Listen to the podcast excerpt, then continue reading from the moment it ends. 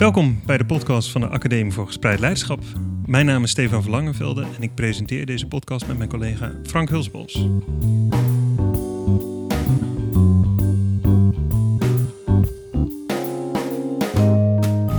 Beste luisteraar, afgelopen jaar deed Frank samen met een netwerk van scholen in de regio Leiden, Duin en Bollenstreek een onderzoek naar het anders organiseren van de school. En onderdeel van dat onderzoek was het maken van een podcastreeks, waar Frank met schoolleiders, docenten en experts in gesprek gaat. En de reeks van zes afleveringen is te beluisteren op een apart podcastkanaal, maar we delen hem hier ook graag met jou, omdat het nadrukkelijk ook gaat over gespreid leiderschap.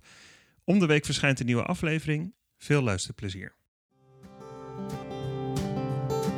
Hallo, welkom bij de podcast Anders organiseren van de school. Een reeks gesprekken over het omgaan met personeelstekorten in het onderwijs door de school anders te organiseren. Mijn naam is Frank Hulsbos.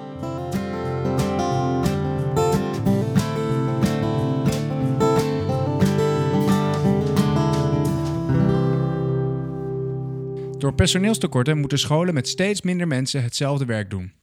In deze podcast onderzoeken we hoe scholen zichzelf anders kunnen organiseren, zodat docenten en schoolleiders met plezier en in samenwerking hun werk kunnen doen. Kunnen we zo op lange termijn meer mensen aantrekken voor de onderwijssector? En helpt het ons onze collega's te behouden voor onze scholen? Deze en andere vragen staan centraal in deze podcast. De gesprekken zijn onderdeel van een onderzoek naar anders organiseren. Ik doe dat onderzoek in samenwerking met een groep schoolleiders en docenten uit de regio Leiden, Duin en Bollenstreek. En ik ben de host van deze podcast. Tijdens ieder gesprek in deze podcastreeks bekijken we dit vraagstuk van personeelstekorten vanuit een ander perspectief. Vandaag spreek ik met Ben van der Hilst over samenwerking in teams en de rol van de organisatiestructuur daarbij. Veel luisterplezier.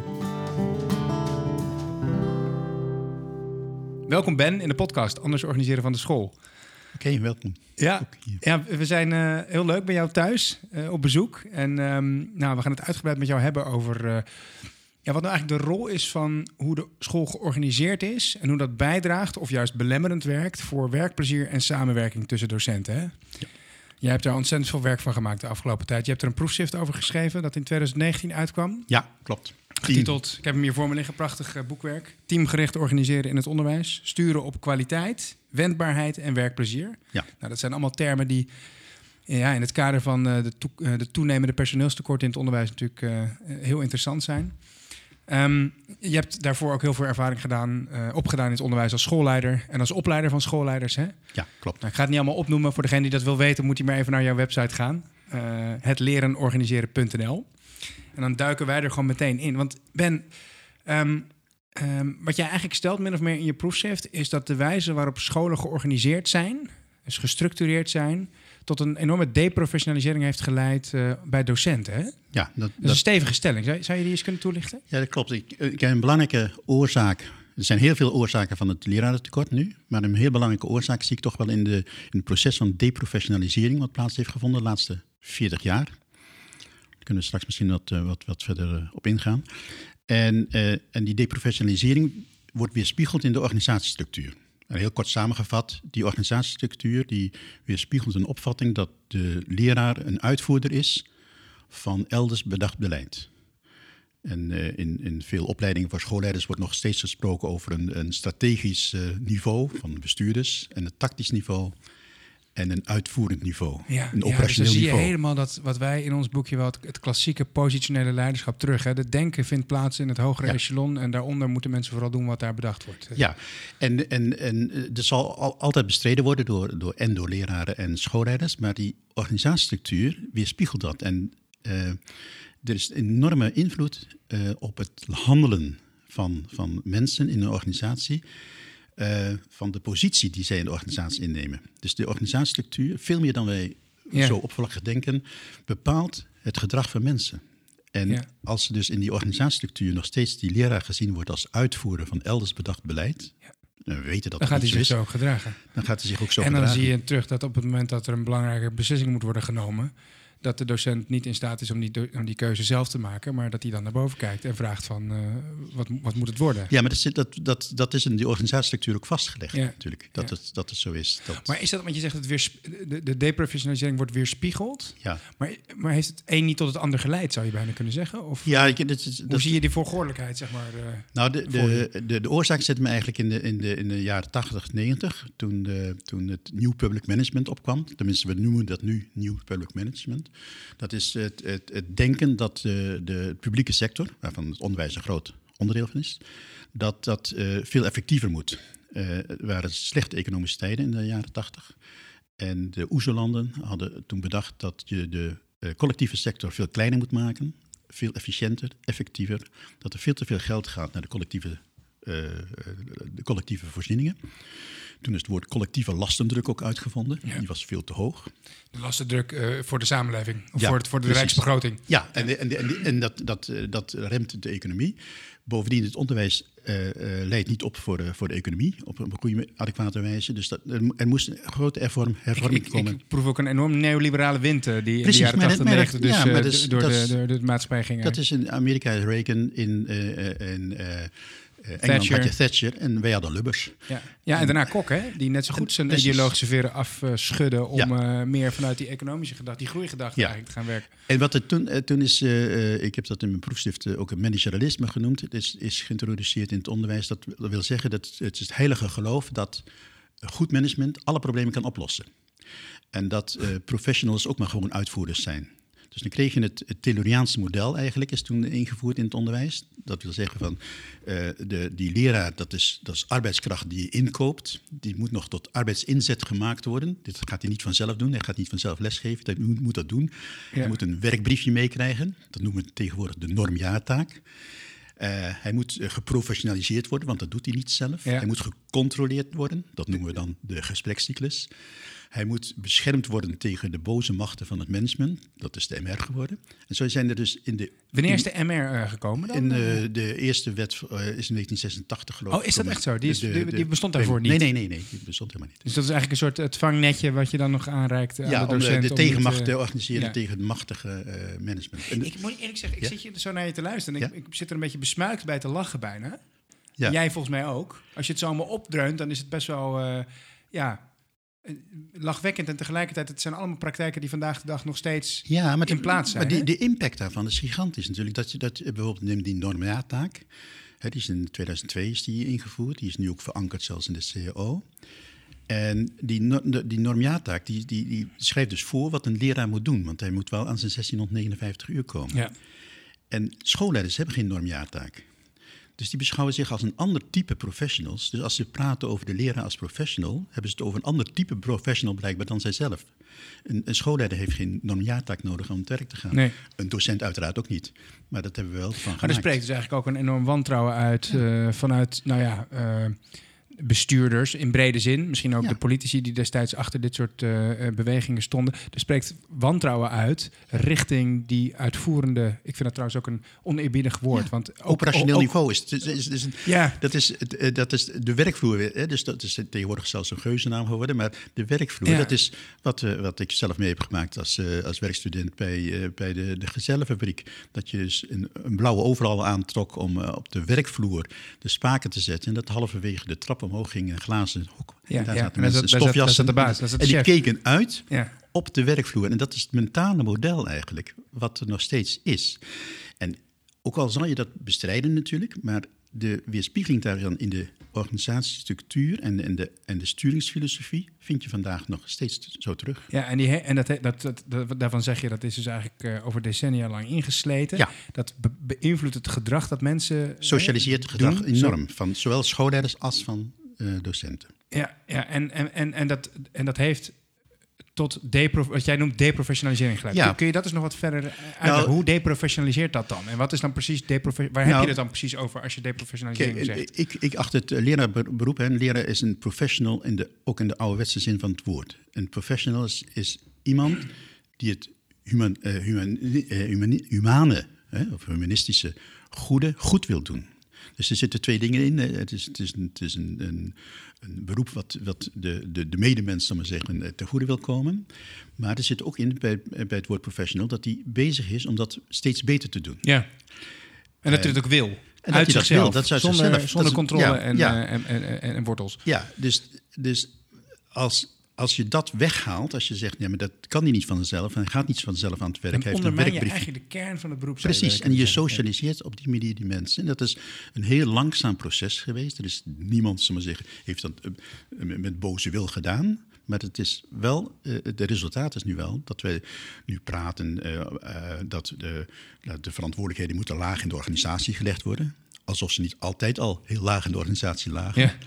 Eh, maar we bedoelen dan dat de verantwoordelijkheid wel laag in de organisatie, maar niet de bevoegdheden. Ja, hè. precies. De, formele macht. Ja, dus de formele macht moet bovenin blijven, eh, blijven liggen. We hebben nog steeds het idee dat het strategisch beleidsplan bepalend is voor het gedrag van docenten, wat totaal niet klopt met de werkelijkheid. We hebben een enorme sturingsstructuur opgericht, de besturingsstructuur. Hè. Dus als je kijkt naar organisaties, kun je ze indelen in drie stukken. Je hebt de uitvoeringsstructuur, dat is eigenlijk de leraar in de klas in het onderwijs-leerproces. Dan heb je de besturingsstructuur om dat mogelijk te maken en dan nog een ondersteuningsstructuur. Ja. Nou, in, sinds die, de jaren 80, 90 is die besturingsstructuur gigantisch gegroeid. Maar dat er zijn past allemaal lagen helemaal bij dat New Public Ja. Management... wat dus een intrede deed in de jaren Ja. 80... en waarvan werd verwacht dat zijn... als we dat maar goed op, op poten Precies. zetten, dan komt het goed. Dan precies, dan, dan worden ze goed aangestuurd en dan, dan wordt de kwaliteit Maar je ziet dus ook echt dat dat deel eh, procentueel gezien toegenomen is. Het is eh, gigantisch. Als ik, ik, ik heb eh, 150 scholen geanalyseerd in het HBO, MBO, VO en PO.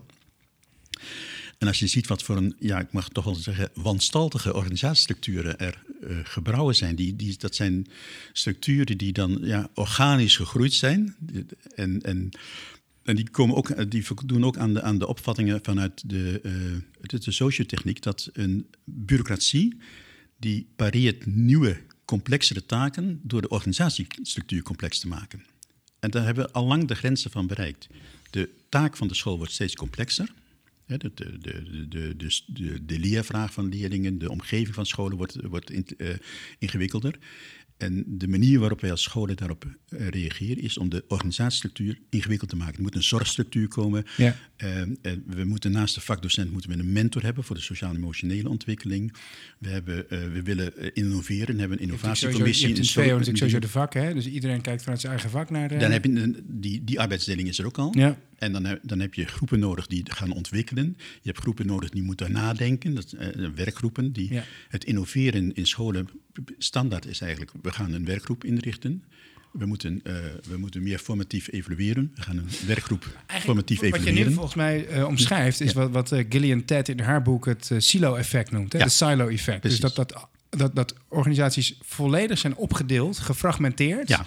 Op zeer specifiek taakje. Ja. En die verschillende silo's die communiceren ook niet meer met elkaar. Dus het Nee. is onmogelijk om samen het geheel te overzien... en dus ook vanuit een Ja. holistische blik het werk. Bijvoorbeeld Ja. in het geval van het onderwijs... echt goed naar de groep leerlingen te kijken... en te kijken van wat heeft die groep leerlingen... of die leerling in, al zijn, in alle opzichten nodig. Van, van zorg tot en met onderwijs, tot en met Ja. socialisatie, noem maar op. Er is geen schoolleider meer die, zijn over, die, zijn, eh, eh, die greep heeft op zijn organisatie. Maar eigenlijk, eh, volgens mij benoem je nu dus al... In het, wat we tot nu toe hebben besproken... benoem je in ieder geval twee problemen... die de huidige structuur, zoals Ja. die ontstaan is... in Ja. een aantal decennia sinds dat, dat opkomen van nieuw public management... aan de ene kant ehm, ja, leidt het eigenlijk tot het kleiner houden. Jij noemt het deprofessionalisering. Je zou ook kunnen zeggen het klein houden van de docent. Hè? Ja. Dus vanuit het idee van eh, hij of zij moet worden aangestuurd... vanuit een hoger echelon waar gedacht wordt... Ja. Eh, anders lukt het niet, anders komt het niet van de grond. Dus dat leidt tot Ja. deprofessionalisering, juist omdat docenten professionals zijn die in de kern voor dat vak kiezen, omdat ze dat iedere dag een stukje beter willen doen. En daar krijgen ze eigenlijk de kans niet voor, want ze mogen er zelf niet meer over nadenken. En ten tweede, en dat is wat je nu benoemt, hè, met die fragmentatie, krijg je natuurlijk ook dat je, dat je gewoon dat je gewoon slecht werk gaat afleveren. Dat je samen Ja. niet meer in staat bent om eh, goede antwoorden te geven op problemen die op je afkomen. Ja, Toch? Ja, dat is precies. En dat, is, dat, is, eh, dat past ook bij die, bij die eh, opvattingen die in de, in de jaren tachtig zijn ge- gekomen bij het managerialisme. Daar hoort ook het Tayloriaans denken bij. Het Tayloriaans denken gaat uit van een sterke arbeidsdeling. En dat je het werk zo kunt analyseren dat je precies deeltaken kunt benoemen en dan en dat die deeltaken gaat, gaat uitvoeren. En als je dat maar bedoet, en dan moet er op een hoger niveau moet, moet dat gecoördineerd worden, want Ja. mensen zelf kunnen dat niet niet coördineren. En op die manier heb je dus die organisatie zo ingericht. En dat heeft geleid tot, tot die sterke verdeling, maar niet alleen in het VO, ook in alle andere sectoren van het onderwijs is dat, zelfs op het basisonderwijs is dat zo. Ja, want je hebt het in je proefschrift over verticale en horizontale arbeidsdelingen. Dus Ja. de verticale arbeidsdeling is eigenlijk de arbeidsdeling tussen leidinggevenden. hè. Dus daar, daar wordt gedacht. Daar wordt En gedacht. onderin, tussen, aanhalings, eh, tussen aanhalingstekens, wordt, wordt het uitgevoerd, Ja. wij bedenken. En de horizontale arbeidsdeling in de zin van bijvoorbeeld in het VO... eh, een zorgteam, Ja. een sectie... en dan ook nog heel veel verschillende secties natuurlijk per vak. En mentoraat, eh, Mentoraat. daar moet er nog een paar bij. Dus iedereen Ja. kijkt naar een stukje Ja. van de leerling eigenlijk. En, en, en dan moet er ontwikkeld worden en moet er een aparte werkgroep gaan Ja. doen. En, eh, Die nou, in eerste instantie ook losstaat vaak hè, van Ja. de groep of de, Ja. de, de, de personen, de collega's Ja. die het moeten uitvoeren in de klas, die dat moeten gaan doen, die verandering. 90% van de innovatie-energie in, in onderwijsinstellingen gaat verloren. En jij, jij concludeert daarbij ook, en dat is waar je nu volgens mij op zinspeelt, dat dat tot, tot zwakke verbindingen leidt. Hè? En zwakke verbindingen, daarmee bedoel jij verbindingen die, die, die dus, eh, van de een naar de ander, die een bepaald, waar een bepaalde invloed van zou moeten uitgaan, maar die invloed die, die komt eigenlijk niet van de grond. Nee, is geen effect. wat, wat ik met scholen doe om, eh, om de organisatiestructuur te analyseren, is het tekenen van het organogram. ja. En eh, dat is een hele klus voor scholen. Eh, scholen zijn soms weken mee bezig om het in kaart te brengen. Dat is, dat is ook natuurlijk al heel kenmerkend dat je zo'n ingewikkelde organisatie hebt dat je niet meer weet eh, waar al die werkgroepen zitten, die coördinatoren en hoe die, hoe die met elkaar samenhangen. Dat is, dat is een gigantische klus. Ja. Als ik- En dan als- kom je dus ook niet zomaar even uit. Nee, dat, komt, Nee. dat duurt weken. En als je met zeven managementleden van hetzelfde MT bij elkaar zit, worden er zeven verschillende plaatjes getekend ook nog. Dus, de, dus nou ja, niemand, Niemand heeft- weet het echt. Niemand weet het echt. Dus je hebt, en de, eh, we rekenen ook wel uit dat er zo in de gemiddelde VO-school wordt er zo'n een miljoen euro besteed aan, aan, aan taaktijd die nergens toe leidt. Die, die geen enkele betekenis heeft voor het onderwijsleerproces. Elk jaar. Per school. Per school. 1 miljoen euro per jaar gaat over de balk. Eh, Oké, dat is een bedrag wat wel tot de verbeelding spreekt. Maar dan ben ik toch wel even benieuwd, ook uit onderzo- eh, onderzoeksperspectief, hoe kom je, het, hoe kom je op zo'n bedrag? Nou ja, dit, dat- dit, dit, eh, dit moet nader onderzoek hebben, maar, maar dit zijn schattingen geweest. Hè, dus van, van, dan kijken we naar, naar de, het aantal taakuren wat uitgedeeld wordt, waar die zitten. Die zitten in werkgroepen, coördinatoren. Die, en dan kijken we welke invloed heeft dat nou op eh, Primaire op proces. pri- pri- primaire proces. En het, in de breedste zin van het woord hoor. Dus eh, kijk, een, een commissie die de, die de eh, excursies naar Rome organiseert, is, is heel, heel waardevol. Zeggen. Die gaan we niet zeggen, dat dan moet je eraf snijden. Maar een, een, een, een, dat is een onder- onderwijscommissie waarvan in, duidelijk wordt dat die de afgelopen vier jaar niets heeft bijgedragen aan. Nee, oké, dus die, die excursiewerkgroep die tel je niet mee bij die miljoen euro. Nee. Maar bijvoorbeeld de werkgroep flexibel roosteren. Eh, die na drie jaar moet concluderen dat Ja. flexibel roosteren komt niet van Ja. de grond. Ja. Nou, en in die werkgroep hebben zes, zeven mensen drie jaar lang tijd gestoken. Dat, dat tel je wel mee. Ja. Ja, hoe, hoe- hoe dan ook. het is, de, de, de, de situatie is, is, is nijpend, zou je Ja. kunnen zeggen. Ja. En het is ook grappig dat... Want ik, ik heb me dit zelf zeg maar, op een soort vaag niveau wel gerealiseerd. Maar als je het even zo allemaal op een rijtje zet... Ja. dan komt het wel echt ook binnen. Dus een slordige organisatie, sprake van een sterke arbeidsdeling, zowel horizontaal als Ja. verticaal, met zwakke verbindingen. Dus mensen die proberen vanuit hun positie een bepaalde invloed uit te Ja. oefenen, wat ze gewoon niet van de grond krijgen. Wat je trouwens ook in je boek nog heel duidelijk zegt, is dat samenwerking in het onderwijs er wel Nou. is, maar dat het niet zozeer in het primaire proces rondom de leerling plaatsvindt, maar veel meer ja, Nou ja, rondom thema's en rondom opleidingen. Ja. Wat, wat je niet echt teams eh, Nee. kunt noemen. Hè? Kun, je, kun je daar ook nog Nou, hier, hier raken we een heel belangrijk eh, punt. Hè. Dus, eh, er is een overstelpende hoe- hoeveelheid literatuur, onderzoek, die aantoont dat samenwerking, hechte samenwerking van professionals rond de werkplek, dat dat de beste manier is om te professionaliseren. En, Ja. en bijdraagt aan de En kwaliteit. dan dus ook mensen zo aantrekken tot de, hè, tot de sector, want dat maakt het een aantrekkelijkere werkplek. Ja, zeker. Even, en ja. het werkplezier en, en dergelijke optimaliseert. Ja. En, en als je nou kijkt naar waar wordt er nou samengewerkt, dat is, dan, dan er zit er een grote eh, handelingsverlegenheid bij, bij schoolleiders wanneer je vraagt waar wordt er nou intensief samengewerkt. Ja, in een enkele sectie, als daar al zicht op is, omdat de mensen toevallig met elkaar eh, goed overweg kunnen. Sommige secties worden niet samengewerkt. Omdat ze elkaar niet ze kunnen zien. Ja? En dan worden er wel eens teams genoemd. Ehm, en eh, en daar, daar, daar raken we een, een belangrijk punt. Alle sectoren, alle scholen werken sinds de jaren nul, zeggen, met teams. En eh, dat was een, een, een reactie op de schaalvergroting. Er moesten, er moesten, de, moesten in kleinere eh, eenheden worden gewerkt, want je kon niet meer met 140 mensen rond de tafel zitten. Wat je vroeger met 40 mensen nog wel kon. En toen zijn er dus teams gevormd. Dan krijg je een team HAVO bovenbouw, team VBO bovenbouw, team uh, VMBO B onderbouw. Dat zijn teams en die noem ik in mijn proefschrift, definieer ik die als opleidingsteams. Ja. De mensen die daar rond de tafel zitten, als 22 mensen van de HAVO bovenbouw rond de tafel zitten, Ja. hebben ze het niet over leerlingen, want steeds is een andere deelverzameling verantwoordelijk voor leerlingen. Waarschijnlijk hebben ze ook niet allemaal dezelfde leerlingen. Hè? Nee, je het kan niet. Het kan zijn dat ik bij jou in het team HAVO bovenbouw zit, Ja. maar dat ik aan een, aan een aantal leerlingen die jij wel les geeft, Ja. geen les geef. We weten meestal ook niet van elkaar de- wie de les geeft aan dezelfde leerling. Ja. Dus er zitten met 22 mensen rond tafel. Dat, dat kun je geen team noemen. Dat is niet Maar hebben die mensen het eigenlijk dan wel over binnen zo'n team? Nou, die hebben het over het PTA. Die hebben het over de, eh, de introductieweek van de HAVO. Die hebben het soms over, eh, we zouden toch meer moeten doen aan formatief handelen. Eh, dat, dat soort Ja, thema's. maar dat zijn niet de plekken waar ook daadwerkelijk wordt gewerkt aan Nee. een, een nieuwe methode, een nieuwe toetsmethode of zo. Nee, dat, dat wordt in werkgroepen gedaan. Precies. En dan, maar die werkgroepen, dan krijg je die, die werkgroep die enthousiast aan het werk gaan. Dit zijn groepen van vijf, zes mensen. En die komen s'avonds bij elkaar en die zijn enthousiast en Ja. die studeren iets en die, en, die, en die produceren dan iets. Maar, wat, maar, maar degene die dat moeten uitvoeren, die zitten elders. En dan die transfer van, van, van wat zo'n werkgroep bedacht heeft Ja. naar daar waar het echt uitgevoerd moet worden, is, buitengewoon zwak. Ja, dat, is, dat zien we ook heel duidelijk terug. En dat is zo'n zwakke verbinding waar dat is een van de vele zwakke En dat is koppelingen. natuurlijk ook, dat is ook, dat is trouwens aan de ene kant problematisch, omdat het dus een zwakke verbinding is, waar heel veel geld en tijd in wordt gestoken. Hè? Ja. Wat dan uiteindelijk mogelijk leidt tot die miljoen eh, Ja. eh, vers- verspilling. Maar het is ook denk ik problematisch als je bijvoorbeeld het, eh, het onderzoek van Dager Keltner in je indachtig neemt, wat wij ook een belangrijke leidraad altijd vinden.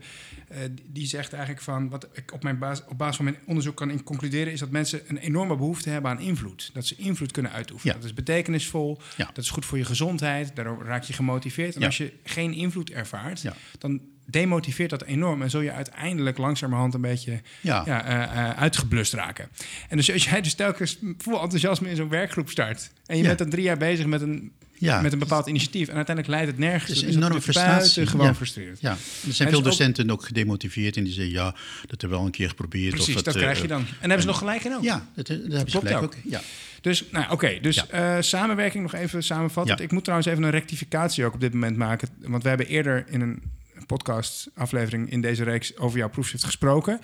En toen hebben we het ook over die verschillende teams gehad die jij onderscheidt. En toen heb ik de fout gemaakt dat ik eh, alles onder expertteams heb gegooid. Maar dat, is dus niet, dat klopt dus niet. Het, het moet zijn teams die echt op jaarlaag of, of, of op, opleiding zijn georganiseerd. Bijvoorbeeld bovenbouw HAVO. Dat zijn opleidingsteams. Precies. Die zijn vaak groot. Ja. En dus zou je bijna Ja. kunnen zeggen, niet echt teams. Ja. Dan heb je expertteams. Die werken rondom een thema. Denk aan de werkgroep Flexibel Roosteren. ja, en een speciale eh, eh, eh, serie eh expertteams zijn de secties. Hè, die, hebben, die werken Ja, dat rond- zijn eigenlijk ook Ja, expertteams. ja, die zijn een expert economie, Ja, bijvoorbeeld. precies. Ja. Eh, vak, vak, Ja. vak-expert eigenlijk. Ja. Dus dat zijn expertteams. En het derde type team, en daar gaan we nu eventjes de overgang maken naar jouw, jouw, eigenlijk jouw voorstel, hè, wat jij doet in het proces. Dat is het team eh, wat jij noemt het onderwijsteam. Ja. En een onderwijsteam is een groep docenten die rondom de leerling is Georganiseerd, rondom een groep leerlingen. Laten we het daar eens over gaan hebben. Want nou, de, de, de problemen met de huidige manier van organiseren op het gebied van deprofessionalisering, eh, ja, s- slecht voor het werkplezier, slecht voor samenwerking en bovendien. Ondertussen is de buurman eh, eh, even aan het klussen. Nou, Nope.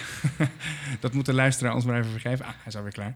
Eh, maar ook zwakke verbindingen, weinig effect van het, de tijd en de energie die erin steekt. Die problemen zijn duidelijk. Maar wat is jouw alternatief? Hoe zou jij het graag anders zien? Nou, Kun je daar iets over zeggen? Ja, ik denk dat we, dat we terug moeten naar een, naar een veel simpeler organisatiestructuur.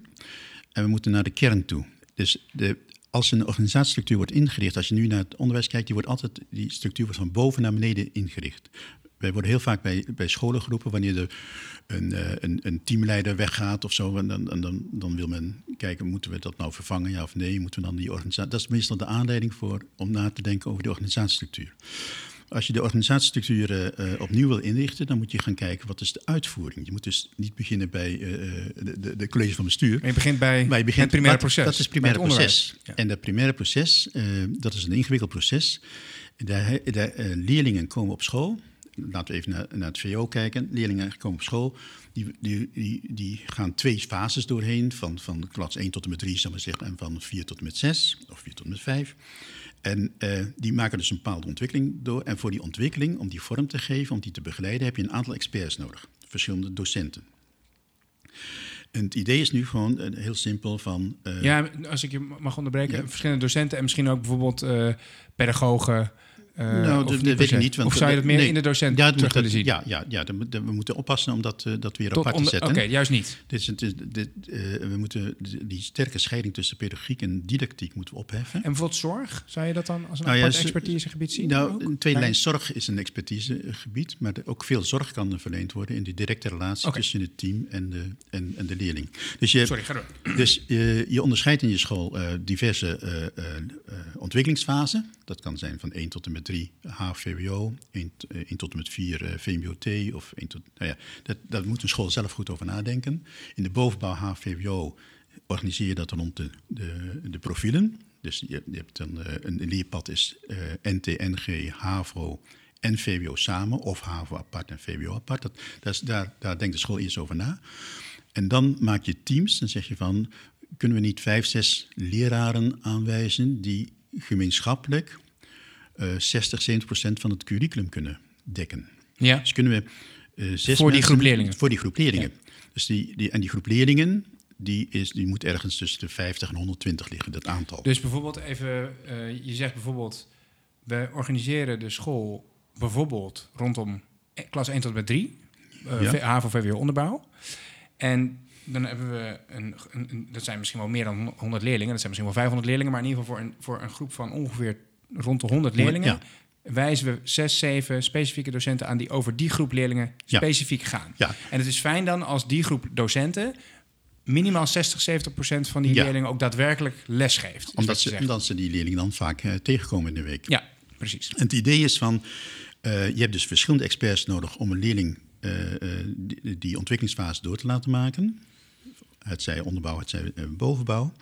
En de verantwoordelijkheid voor die on- totaalontwikkeling, hè, dus niet de gedeelde ontwikkeling, maar de totaalontwikkeling, kan niet anders liggen dan bij het collectief van die leraren.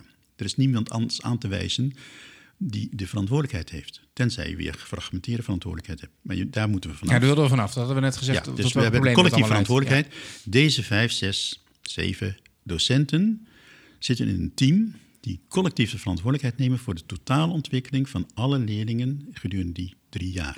Ja. En meerdere jaren liefst, omdat de doorgaande ontwikkeling van leerlingen, dat, eh, die- die- dat stagneert soms, dat wordt versneld. Dus dat, die- je, het is goed dat dezelfde team Ja. een aantal jaren die leerling omringt. Ja, ja, precies. En, precies. die, en die, dat team gaat het commitment aan van we pakken deze leerlingen op, bijvoorbeeld uit het basisonderwijs, en we brengen ze briljant naar de bovenbouw HVWO. Ja, en dan ben je dus ook van die fragmentatie af. Hè? Dus eh, in ieder geval binnen die periode dat die groep docenten verantwoordelijk is voor die groep leerlingen. Eh, want je, kijkt eigenlijk, je bent eigenlijk samen collectief verantwoordelijk voor de ontwikkeling van die kinderen. En niet alleen maar voor jouw stukje Nee. economie Nee. of mentoraat. Of, Je hebt, wel een, je, hebt, je hebt wel een taakverdeling. Eh, ik was vroeger natuurkundedocent, dus dan geef ik natuurkunde en een ander geeft Engels en Ja. Frans. Eh, maar als het, eh, met, als met die leerlingen zullen zeggen, in de talen slecht gaat, dan ga ik niet, kan ik niet als natuurkundedocent achteroverleunen en zeggen, ja, ik heb mijn dingen gedaan. Dan hebben we een gemeenschappelijk probleem. Dan liggen we samen wakker, zullen zeggen, van hoe kunnen we dan Jantje, Marietje verder helpen? En, en, en hoe kunnen we dat met, met elkaar eh, voor elkaar krijgen, dat eh, ook in de totale breedte die ontwikkeling goed Ja. eh, wordt Ja. vormgegeven. Ja, precies. Dus je bent daarin, dus dat, dat, het betekent meteen, als je die collectief verantwoordelijkheid, dat is een moeilijk begrip, collectief verantwoordelijkheid, dat iedereen aanspraak, ieder lid is aanspreekbaar op alle resultaten van alle leerlingen. Dat is heel ingewikkeld in het onderwijs, om dat te, te suggereren. Ehm, maar als je dat doet, heb je er ook meteen die wederzijdse afhankelijkheid Ja. gemaakt. En wederzijdse afhankelijkheid in zo'n team. Ten eerste heb je dan een echt team, want eh, dat, dat kun je dan een team noemen, niet die, die, die, die groep die leraren. En je moet het met elkaar doen. Ja. Je hebt elkaar echt nodig. Je hebt elkaar nodig, Ja. maar dat is ook een enorme sterke basis voor leren. De wederzijdse afhankelijkheid maakt dat we met elkaar praten. We praten wekelijks over, over, over de leerlingen. Eh, zo gauw er iets, iets misgaat, we grijpen meteen in. We, gaan, we, wachten- niet op, op gemiddelde cijfers of iets dergelijks die een jaar later dan eh, leidt tot een of andere actie. Wij zijn collectief steeds bezig. Hoe, hoe ontwikkelen de leerlingen zich en hoe kunnen we dat nog beter maken? Ja, dus je, je, je, belegt het denken, zou ik maar zeggen. En de professionalisering is ook niet meer er- elders. Nee. Eh, maar je be- belegt dat echt binnen dat team. Wat, wat wel belangrijk is, denk ik, om toe te voegen. Want jij zegt, eh de, de, de teams worden collectief verantwoordelijk. Maar wat je ook in je proefschrift zegt, is... Ze hebben ook een groot mandaat. Het is niet alleen maar van je bent vanaf Ja. nu verantwoordelijk, groepje docenten. Nee, je krijgt ook een uitgebreid Ja. mandaat, uitgebreide formele machten eigenlijk, zou je kunnen zeggen, die ja, in de gewone slordige organisatie van de school elders ligt. Hè? Dat Ja, is toch een belangrijke toevoeging. En, en, en dat is natuurlijk een belangrijke gouden regel dat, dat, dat eh, wanneer je verantwoordelijkheden eh, ergens belegd hebt, dat er altijd bevoegdheden bij moeten. En- Doe je dat niet, dan krijg je altijd, eh, eh, ja, dan worden mensen ziek. Ja, dan vertrouwen mensen het natuurlijk ook niet. Dan denken Nee. ze van ja, ik, moet het wel, Nee. ik, ik ben wel uiteindelijk aanspreekbaar, maar Ja. ik heb geen ruimte om zelf keuzes te maken in Ja. hoe ik het doe. Want als je het dan over machtsoverdracht hebt, hè, of echt daadwerkelijk een. Ja. Waar denk je dan aan? Waar gaan, waar gaan die teams allemaal Nou, ik, over? ik spreek dan ook van man- mandatering, hè, mandatering van de bevoegdheden van, van, van de schoolleider naar, eh, naar die teams. En die teams die, die, gaan, die gaan over die ontwikkeling van leerlingen. Dus die gaan niet over salarissen, over de kleur van het gebouw, die gaan over leerlingen. En daar nemen zij beslissingen in. En, en, en zij kunnen elke beslissing nemen. Eh, ik heb daar een bevoegdheidskader voor gemaakt, eh, eh, een simpel bevoegdheidskader als voorbeeld. Dat zegt als, als je een besluit neemt, denk dan even na, valt het binnen de visie van de school? Valt het binnen de, onze, de wettelijke mogelijkheden? Valt het binnen de financiële mogelijkheden? Rijdt dit ons besluit niet een ander team in de wielen? En kunnen we dit besluit ook verdedigen als belangrijk in de ontwikkeling van de doorgaande ontwikkeling Ja. van de leerling? Nou, als je die vijf vragen met ja beantwoordt, neem dan, de, neem dat besluit. Dan kun je het besluit nemen. Als je ergens nee zegt, dan betekent dat je elders overleg voert. Maar ja, precies. Maar stel je voor dat je concludeert van eh, eh, het past niet binnen de financiële mogelijkheden.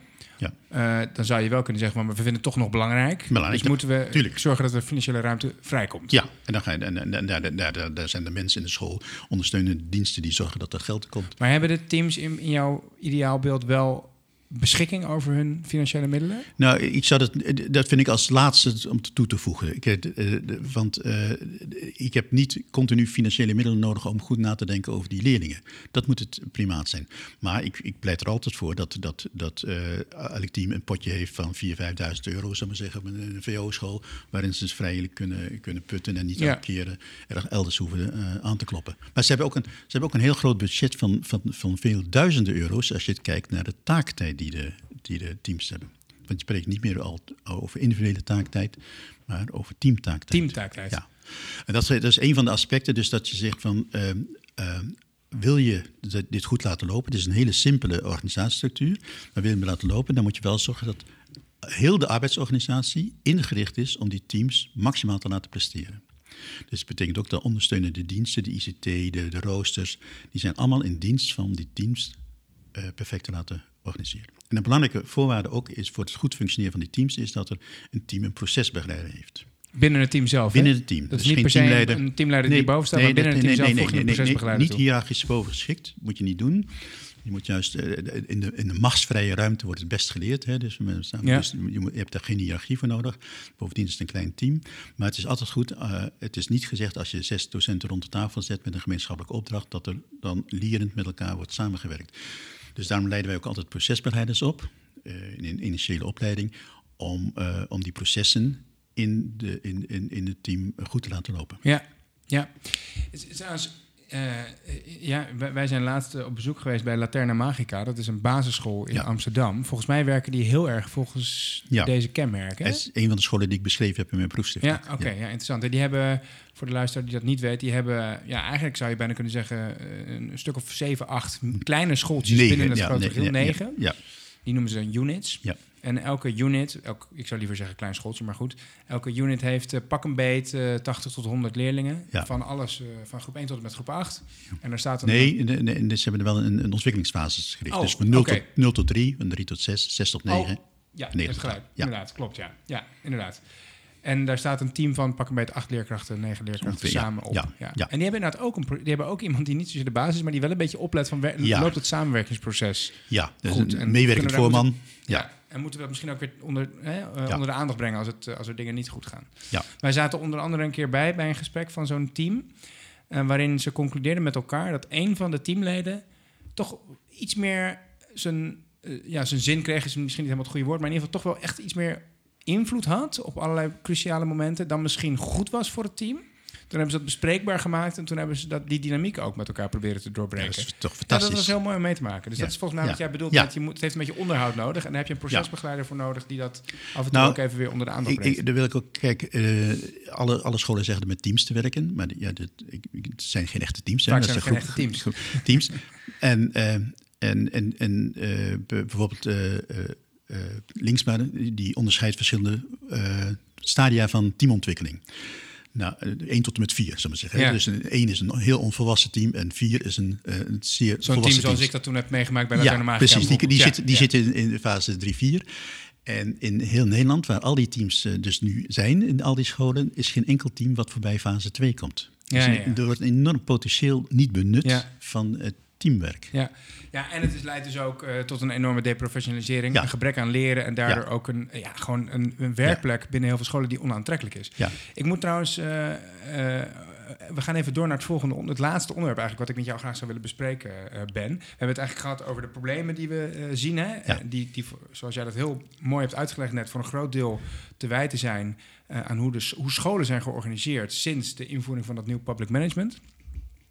Uh, het, het alternatief wat jij uh, aanreikt, zeg ik, nou, dat, dat noem jij in je proef de team de teamgecentreerde arbeidsorganisatie, waarbij die teams dus echt weer centraal, samen ja. rondom die leerling staan, collectieve verantwoordelijkheid hebben voor de ontwikkeling Ja. van kinderen en ook een groot mandaat hebben om dat samen te doen. Ja. Um, uh, de schoolleider die luistert zal zich afvragen van... oké, en wat betekent dat dan precies voor mijn rol? Hè? Dus ik, ik mag ook niet uh, me met dat proces be bemoeien... want er zit al iemand binnen het team. Wat, wat doe ik dan nog wel als, Nou, als en- schoolleider? Ja, ten eerste is... of hoeven we eh, die, hebben we die niet meer nodig? Jawel, we hebben, we hebben, eh, er, zit, er zit een paradox in waar, eh, die de, de schoolleider ook moet begrijpen. Van, dat is dat, dat er sterk leiderschap nodig is om dit te laten slagen. Oké, En, eh, dus ik ben helemaal niet af voor het afschaffen van, eh, van, van schoolleiders. Je hebt geen teamleiders meer nodig. We hebben, we hebben eh, de afgelopen jaren, de tientallen jaren, hebben we ontzettend ingezet op team, teamleiders.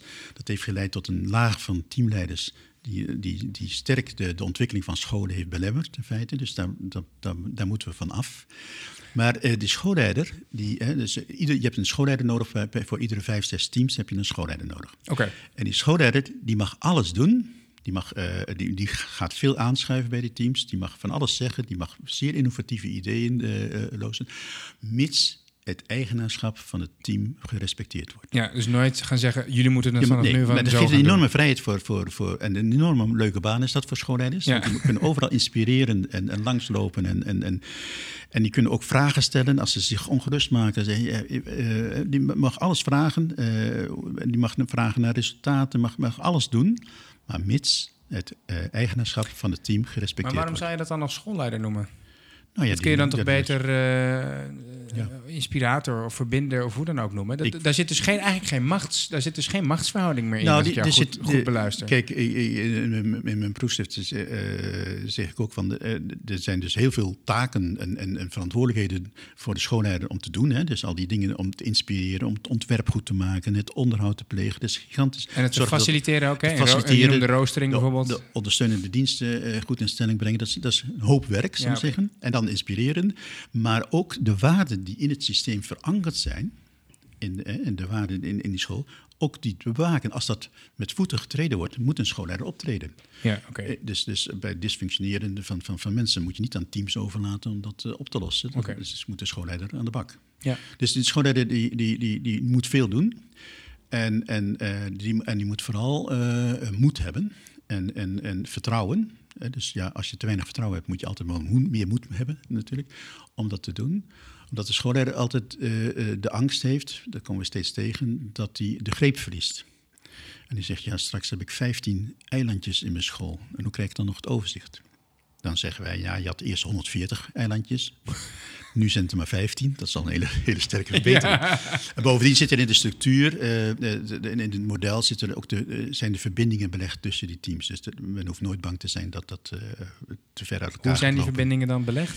Er zijn er vier Want soorten. inderdaad, je kan, ik, ik, stel, ik, ik stel me even die schoolleider voor, hè, die, Ja. zich, dat- die zich daar zorgen maakt. Ja. Die denkt, oké, dan zijn er dus 15 teams of zo bijvoorbeeld, of, of 10 teams, Ja. met elk een groot eigen mandaat. Die is- gaan over hun eigen ding, die zitten daar met hun eigen groep leerlingen Ja, eh, hun dingetjes te doen. ontwikkelen onderwijs daarvoor. ja. en, maar ik vind het ook belangrijk dat iedereen vanuit visie blablabla nou ja, zijn werk voor geeft. Hoe doe ik dat? Ja, dus eh, een van de, van de, van de, in het toetsingskader voor de, voor de besluitvorming staat ook, Ja. is, is dit besluit... het bij de visie? Dus het is heel, heel belangrijk om een goede visie te hebben. Naarmate een school een, een duidelijkere visie heeft, onderwijskundig, maar ook over de organisatie, eh, wordt het makkelijker om dat te, te laten werken. Ja.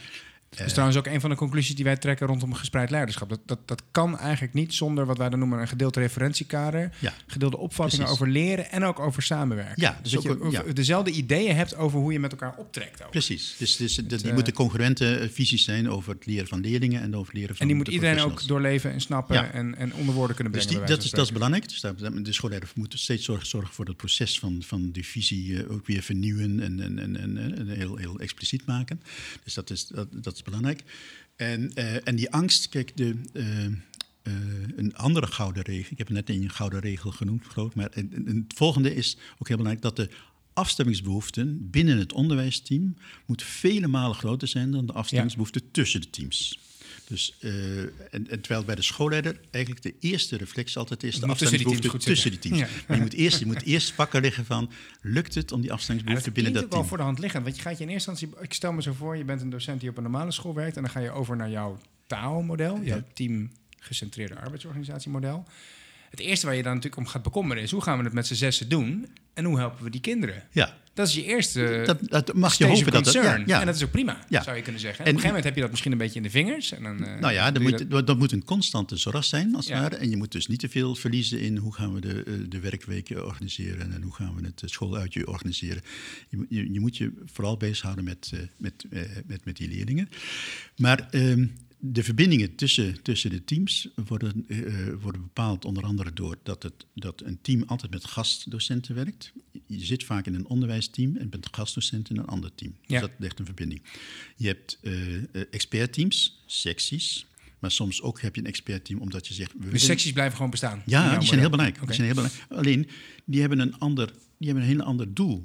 In, in de natuurkundesectie buigen we ons over een thema. Dan hebben we het over... En dan gaan we het natuurkundeonderwijs verbeteren. We gaan Of, de, eh, de wet ja. van Ohm, de didactief over van de wet van Ohm. Daar hebben Het is we echt een ander gesprek dat je, dan dat je hebt binnen je onderwijsteam. Precies, hoe gaat het met Marietje? Dus je hebt daarover een thema, in het onderwijsteam altijd over vlees en bloed. Dat is, dat is één. En, eh, maar goed, dus- dus door die gastdocenten heb je dus eh, verbinding met elkaar. Door Want je de zit gewoon af en toe aan bij een ander team, hè? Expert, Ja. Expertteams heb je. Nee, je zit niet aan bij. Je bent niet lid van Nee, een ander bedoel, je team. bent af en toe wel Ja. te gast bij een ander Precies. team. Ja. Eh, die expertteams liggen een verbinding. En dan de procesbegeleiders, die vijf procesbegeleiders van de onderbouw, die zitten samen met een schoolleider en in het procesbegeleidersoverleg. Wat vooral gericht is op intervisie, niet op standaardisatie, maar op intervisie. Waar de procesbegeleiders hun lastige taak samen kunnen bespreken en de schoolleider hen kan inspireren als super procesbegeleider om, eh, om hen te helpen om die taak goed uit te voeren. En daar kan een lichte afstemming tussen de teams plaatsvinden. Ja. Een lichte afstemming. En tenslotte is het zo dat als teams eenmaal volwassen zijn, en daarom is het ook belangrijk om dat daar naar te streven, op alle manieren, dan hoef je nergens zorgen over te maken. Een, een volwassen team kijkt altijd over de schutting. Die gaat niet naar binnen toe gericht dingen te ontwikkelen die helemaal anders zijn dan anderen. Als zij belangrijke dingen hebben, dan brengen ze dat samen met andere teams. Dan, dan lopen ze zelf naar die andere teams toe. Dan is het coördinatiemechanisme zit binnen de teams. Daar heb je geen aparte coördinator. Dus het is zaak om die teams zo snel mogelijk in die, in die In, die ontwikkelingsfase... ontwi- in die volwassen fase te krijgen. Ja. ja, ja. Dus Ja. het, is een heel, het is een heel eenvoudig model. Ja, ik vind het. Ik, eh, eh, eh, tot slot zou ik nog één ding met je willen, eigenlijk met je willen reflecteren op, eh, op, op wat je. Want ik, ik, ik, ik vind het een ontzettend aantrekkelijk perspectief, of model eigenlijk, wat je Ja. aanreikt. Laat ik dat ten eerste zeggen. Ja. Dus ik, zie- ik zie het ook eigenlijk een beetje als een, op, een concrete Nou ja, operationalisatie van gespreid leiderschap. Ik kan wel zeggen dat de scholen die dat doen, die, dat zijn ook aantrekkelijke scholen. Je hebt er net eentje genoemd. Ja. Latijnen Magica heeft nooit problemen met, eh, met, eh, met eh, leraartekort. Precies, en, en de, de verbinding met het personeelstekort kan ik ook heel goed maken. Hè. Dus het is, een, het, het, het is een veel. eh, eh, het is echt een erkenning van de docent als professional. Een, Ja. een, een manier om samenwerking tussen professionals veel meer mogelijk te maken. Wat gewoon een hele belangrijke basisbehoefte is van mensen. Hè. Eh, het zorgt waarschijnlijk ook voor veel meer veerkracht en weerbaarheid binnen zo'n team. Hè. Je kunt Ja. dingen makkelijker opvangen. Je kunt beter werk afleveren omdat je de leerling Ja. als geheel ziet en niet. eh, Er valt geen lesuur meer uit. Er valt geen lesuur meer uit. Dus in Eh, allerlei opzichten snap ik. eh, Ja. ehm, en ik zie het ook echt wel een beetje als een, ja, wat ik zei, een operationalisatie van gespreid leiderschap. En nou komt het komma, Nou, maar. er zit, er zit, eh, wat, wat, wat, ik me kan voorstellen dat lastig is voor scholen, is dat het, het heeft een behoorlijk dwingend karakter. Je hebt, je hebt echt een, een heel duidelijk setje kenmerken. Ja. Eh, bijvoorbeeld, eh, over, die gaan over teamgrootte, die gaan over de grootte van de leerlingengroep waar ze over gaan. eh, die gaan over waar ze wel en niet be- bevoegdheid, bevoegdheid op hebben. Ja. Wie er binnen zo'n team moet zitten, hè, zoals de procesbegeleider, de, de, de teamleider staat er. dan. Dus ik kan me voorstellen dat je in de praktijk ook wel aanloopt tegen scholen die zeggen van nou, ik vind op zich de, de uitgangspunten achter je model, Ja. zoals samenwerking in het primaire proces en meer eh, bevoegdheden bij docenten vind ik aantrekkelijk, maar dit is gewoon, dit gaat me Ja. een brug te ver omdat het gewoon niet past. Heb, heb je dat wel eens meegemaakt? En is dat- Vaak, vaak mee. Het is, het is En wat altijd- zeg je dan? Het is, het is een aantrekkelijk perspectief. En eh, ik zeg... Eigenlijk wat ik wilde zeggen, Ja. de, de uitgangspunten achter het model, die zal ik direct allemaal Ja? onderschrijven. Terwijl ik me kan voorstellen dat ik als schoolleider zou zeggen, ja, de uitgangspunten onderschrijf ik, maar ik, ik kan het Ja, zo maar- op deze manier niet invoeren. Nee, maar dan ben je, heb je wel de plicht, zal maar zeggen, als je dat zegt, van, om daar iets aan te doen. Want schoolleiders en besturen zijn nu echt aan zet om, Ja. eh, om, om eh, het schip eh, van de, aan de wal de schip te laten keren. Ja. Dus dat kun je niet meer aan de overheid laten. Dus wij moeten als schoolleiders en, en besturen collectief de verantwoordelijkheid nemen voor wij moeten dit keren op lange termijn en op korte termijn. Hè. En, en, en dat, dat betekent dat er moed nodig is en, en kennis bij schoolleiders en besturen. Nooit zijn de leraren het probleem.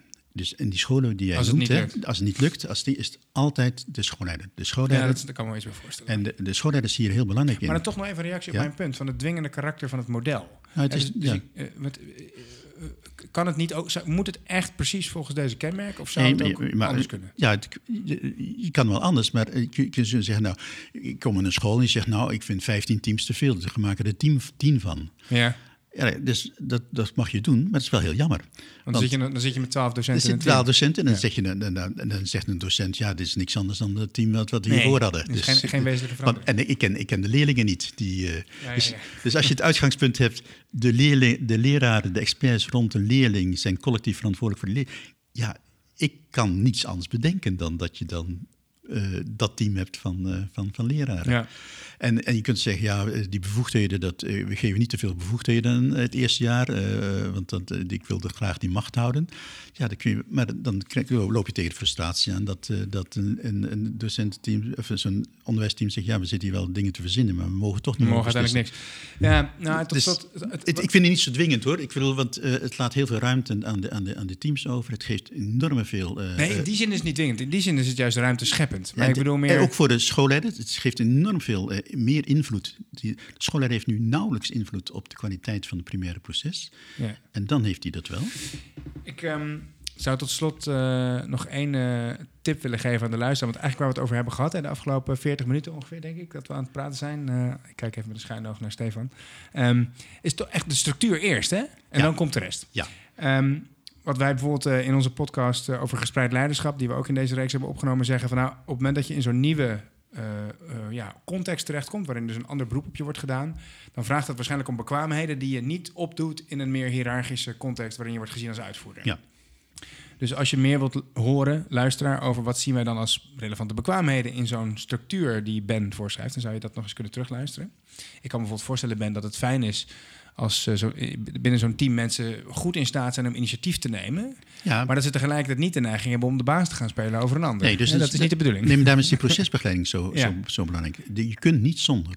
Ja. En, eh, en op den duur, zal ik zeggen, is ieder, ieder teamlid zal ik zeggen, in staat om die processen goed te begeleiden. Maar je start altijd met zeker dat er eentje minimaal bekwaam is om dat te doen.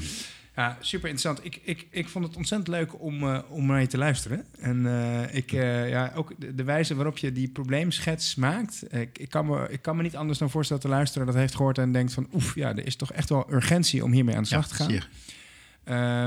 De structuur die je, die je, of nou eigenlijk de uitgangspunten die je eh, beschrijft in, de in het or- organiseren van de school, eigenlijk in het structureren van de school, die gericht zijn op meer invloed, meer verantwoordelijkheid en Ja. ook meer daadwerkelijke macht bij een groep docenten. Ja, dat spreekt mij enorm aan.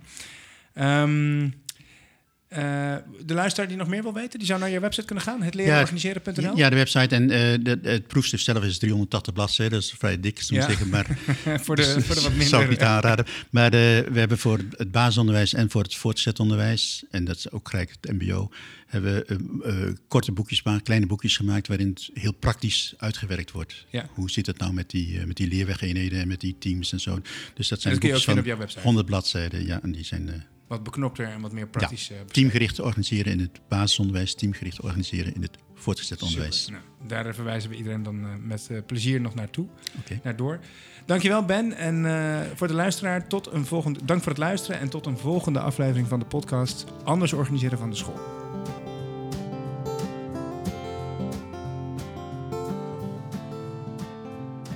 Dank voor het luisteren naar de podcast Anders organiseren van de school. Met vragen of opmerkingen kun je me mailen op frank.gespreidleiderschap.nl. En geef ons zeker een rating of review in je favoriete podcast-app. Deze podcastreeks is onderdeel van een onderzoek naar omgaan met personeelstekorten door de school anders te organiseren. Ik doe dat onderzoek met een groep scholen in de regio Leiden, Duin en Bollenstreek. Het onderzoek en de podcast zijn mede mogelijk gemaakt door de subsidieregeling Regionale aanpak lerarenpersoneelstekort. Voor meer informatie over de RAP kijk je op aanpaklerarentekort.nl.